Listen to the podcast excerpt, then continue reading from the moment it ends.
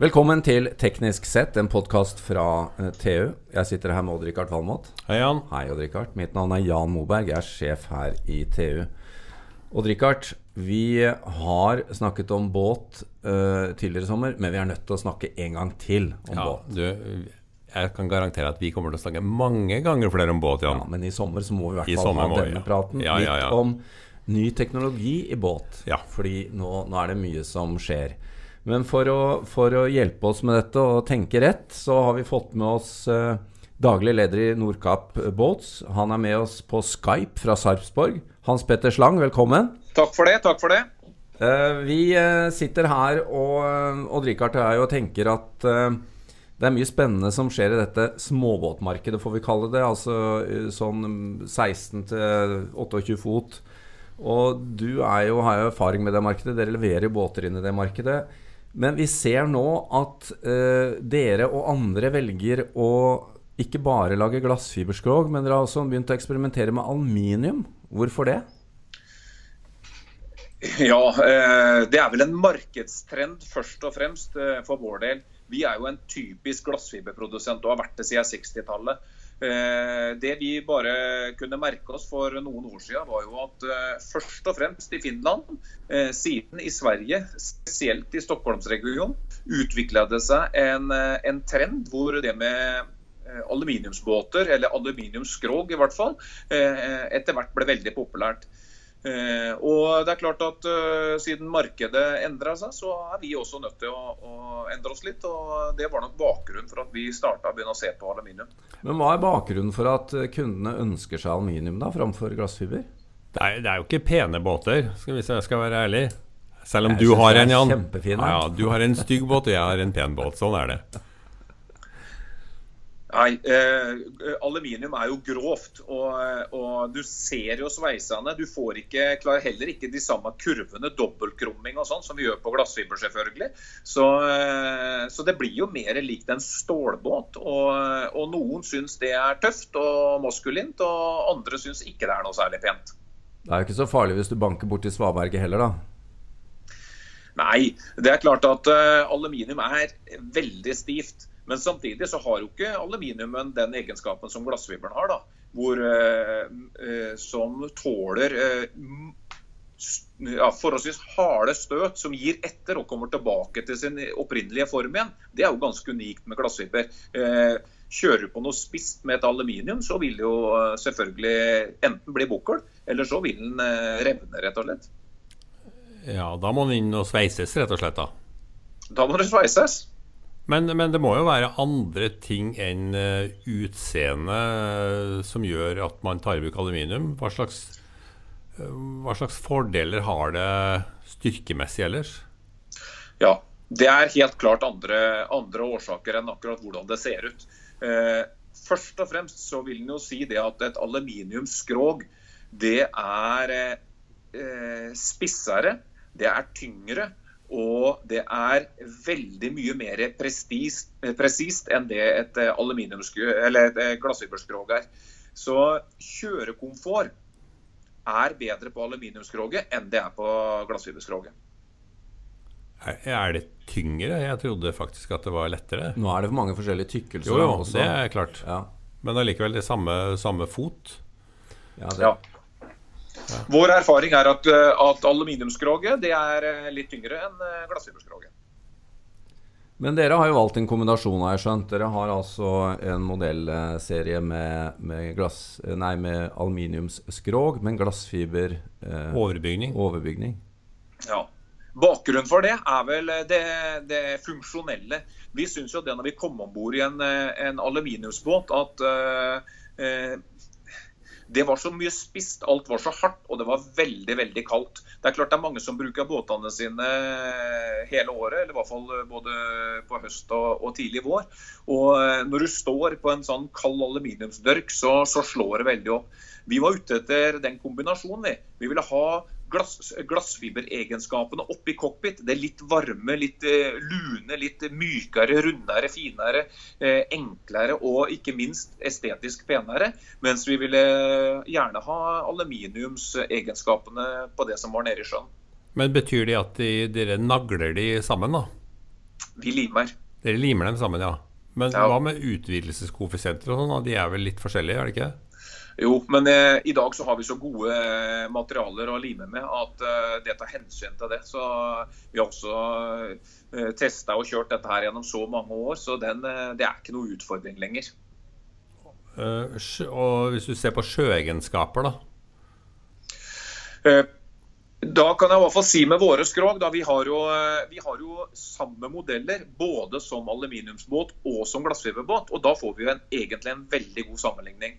Det vi kan si om et aluminiumskrog, det er litt spissere i bånn, litt dypere ved. Og det er, kommer rett og slett at Ja. man klarer ikke å, å, å bøye platene på samme måte som uh, man gjør i et, uh, når man støper glassfiber. Og dermed så uh, stikker den båten litt dypere, han blir litt hvassere. Samtidig som, som at skroget som jeg sa, var litt tyngre. Så, så gir det en bedre komfort om bord når det er bølger. Er det, er det høyere fartspotensial også? Nei. Men vi har jo andre materialer også. Det har jo, altså I flyindustrien og bilindustrien så har man jo snakka i årevis om karbon. Det er jo liksom materialenes holy grail. Eh, det er dyrt. Og det er, det, er det prisen som har gjort at det aldri har tatt av i båt? Ja, det er jeg helt sikker på er, er utelukkende pris. Eh, Karbon er jo et fantastisk materiale. Og, og i båt så kan vi ikke se noen eh, fornuftig forklaring på hvorfor ikke det skulle vært, eh, vært hovedbestanddel i en, i en laminatbåt. Men der er det rett og slett pris og, og små volumer som avgjør det. Ja, for hadde man laga båtene av karbon, så kunne man redusert vekten ganske betraktelig, ikke sant? Ja, absolutt. Man, kunne, man ville fått en, en eh, eh, enda bedre styrke, altså enda stivere eh, skrog, og, og kunne gå ned på tykkelser, og, og selvfølgelig også da på mindre motorer. Nå har vi jo produsenten Brødrene Aa som lager altså persontransportbåter eh, Ja. i det ja, kommersielle markedet. da i karbon, så det er klart det finnes jo erfaring på det. Men, eh, men dere er jo et segment der det kanskje ville blitt uforholdsmessig dyrt eh, i fritidsbåtmarkedet fortsatt. Eh, et, Ja, det, det ville bli et, et annet eh, tradisjonelt materiale er jo tre. Og det er jo veldig mange trebåtentusiaster i Norge. Du tenker på en sånn Riva, en Ja, sånn italiener? det er jo liksom den andre enda, da. Ja. En Riva er jo fantastisk, men det er mahogni. Eh, det, blir, det blir nok noe dyrt, uansett hvor det produseres hen. Er trebåten død, Hans Petter? Nei, trebåten er vel ikke død, men eh, hvis du skal tenke på masseproduksjon av fritidsbåt framover, så tror jeg vi bare må innse at eh, den eh, epoka der, den er over. La oss eh, snakke litt om, eh, om eh, drivverket og drivstoff og, og den teknologiske utviklingen. Altså det er jo, som vi har vært inne på, det er jo fortsatt ganske tradisjonell eh, motorkraft på disse båtene. Eh, Du har enten en totakt eller en firetakt eh, bensinpåhenger i, i stor grad på det spekteret vi snakker om i dag. da. Uh, Og det jo, har jo ikke skjedd så mye med de motorene, Odd-Rikard. Nei, men altså Svenskene har jo kommet i gang med å, med å marinisere en diesel uh, i en påhengsmotor. OX. Ja. De lager en 200 hesters eh, dieselmotor. eh, Det blir tung, da. Men det er jo interessant. altså Dieselmotoren er jo vesentlig eh, mindre tørst enn en bensinmotor. Kommer det med på modellspekteret deres i Nordkapp Boats, eh, Hans Petter? Eh, man skal aldri si aldri, og, og skal være forsiktig å spå, spesielt om framtida. Men eh, eh, jeg kan vel si det sånn at eh, for den sesongen vi er i ferd med å gå inn i nå, så, så er det ikke noe dieselpoengsmotor hos oss. Eh, vi er fornøyd med den utviklingen motorprodusentene har hatt de siste åra, og det har skjedd mye på, på motorsida. Eh, spesielt hvis vi går eh, 10-15 år tilbake så, eh, så har jo direkteinnsprøytning eh, kommet på, på alle typer motorer. Og det har jo eh, gjort at bensinforbruket har gått dramatisk ned. Den teknologien som vi hadde tidligere, hvor bensin var en viktig bestanddel for å kjøle ned motoren, har også eh, etter hvert eh, forsvunnet, eller i hvert fall blitt mye mer eh, ubetydelig. Og sammen så tror jeg det at vi har eh, fått produkter i dag som er veldig mye mer brukervennlig enn det vi hadde for noen få år tilbake. Det har også blitt mer miljøvennlig, da, har jeg skjønt? Ja, det er klart at når det går mindre bensin inn, så, så er det også mindre utslipp ut. og Det er nok en, eh, en, eh, viktig del av eh, driveren i markedet det for de som produserer og utvikler motor. Det er nok krava til nye miljøfor, fra nye miljøforskriftene som kommer. Men la oss da bare ta to ord om en, et, et, tema som Det er vel ikke mange som bryr seg om det, men det er i hvert fall noen som diskuterer det. Det er hvorvidt du skal ha én eller to motorer på båten din. Bruker en båt med to motorer dobbelt så mye, eller gjør den det ikke? Nei, han gjør ikke det. Eh, og det er eh, ikke helt lett å forklare. Vi kan si det at med to, eh, to eh, girkasser nede i vannet som bremser, så, du, ja. så trenger, får du en større brems enn om du bare har én girkasse nede i vannet. Eh, så Sånn sett så skulle du egentlig kunne klare å regne deg ut veldig fort at 250 hestere vil yte mer motstand gjennom vannet enn én 300 hester. Men så er det ikke alltid like enkelt. For eh, hvis båten er eh, relativt tung, så er bladarealet på, på propellen eh, også vesentlig. Og Det vi kan ofte se der, det er at en tung båt den kan du gå ned og sette to motorer på og få større eh, samla bladareal og billigere fremdrift enn om du kjører med én motor på mye mye høyere turtall. Yes. Det, det er jo nytt. spennende. Der, der, ja. Nå fikk du lyst på noe nytt. Oddrikard. Jeg gjorde det, men altså, jeg vil jo tro at to motorer koster mer enn én en, uh, dobbelt så stor en. Ja, uh, det koster noe mer. Men faktisk så etter at uh, hestekreftavgiften forsvant på, på båtmotoren, så, så, er jo ikke, så er ikke det helt avskrekkende lenger, det heller. Men og det er, det, jo absolutt en sikkerhetsfunksjon ja, også, er. Ja. ja. Når du er ute, ut, utenfor uh, de ytre skjær, så kan jo det være gunstig. Men, men, hvor stor del av antallet båter som selges, selges med dobbeltinstallasjon, da? I Norge så er det ikke mange. Eh, vi har jo stort sett en skjærgård som, eh, hvor de fleste fritidsbåtene blir solgt, i hvert fall.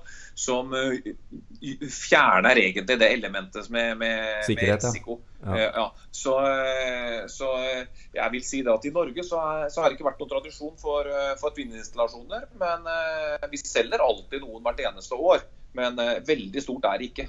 Du, I andre enden av skalaen så har du jo det her med elektriske eh, poengsmotorer. Det er jo kommet en del båter med elektrisk fremdrift og gjerne tak med solceller og litt forskjellig sånn. Og det er jo overraskende hvor mange timer en sånn går, men selvfølgelig i veldig lav hastighet, da. Du får jo båter som går åtte timer på Men det er vel, vi snakker vel om fem knopp eller noe sånt? Ja, de siger gjennom vannet, ja. Ja, de siger gjennom vannet. Det er ikke akkurat ja. deres eh, del av uh, markedet, men uh, elektrifisering kommer jeg jo etter hvert. Jeg ser jo det, at, uh, at i framtida så kommer ting til å se annerledes ut enn det de gjør i dag. det som er på markedet i dag, det tror jeg ikke er bra nok for å bruke i våre farvann, i hvert fall. Jeg har tro på innsjø og, og sånne ting, så kan man finne på mye, mye smart der. Men i saltvann så eh, med både strøm og sjø og ikke minst sterk vind som kan endre seg veldig veldig fort, så er eh, batteriframdrift eh, foreløpig tror jeg ikke veldig aktuelt. Det tror jeg er riktig. På lang sikt så tror jeg at hydrogen kan bli et drivstoff selv i hurtiggående småbåter. Men vi er ikke der ennå. Også med brenselcelle. Og... Med brenselcelle, ja. ja. Ja, hva sier du, hva sier du Hans Petter, fra, fra en produsents eh, ståsted? Hva, hva, sier du om fremtiden? Ser vi fem-ti år fram i tid? Hva skjer? Eh, på kort sikt eh, så, så, vil nok ikke endringene være veldig synlige. Men at vi på litt lengre sikt kommer til å se endringer. Og da tror jeg vi skal være klar over at vi brukerne vi kommer til å endre holdninger etter hvert, vi også. Vi må kanskje innse at en del av av eh, eh, den måten vi bruker båten på i dag, den er ikke formålstjenlig framover. Eh, det blir større og større reguleringer i forhold til fart og, og sånne ting også, som gjør at uh, vi kanskje kommer til å se andre båttyper og andre former for fremdrift framover. På sjøen? På sjøen. Ja, Odd-Rikard. Det er vel bare vi, vi, trenger ikke tenke på det akkurat i sommer, da. Nei, vi gjør ikke det. Nei, vi koser vi får, oss vi får uh, gi gass med den uh, Men så er det hydrogen og, i fremtiden. og andre ting som teller. Vi kommer helt sikkert tilbake med mer. Takk til deg, Hans Petter Slang, daglig leder i Nordkapp Boats. Lykke til med en god sesong. Takk for det, og takk for at jeg fikk være med.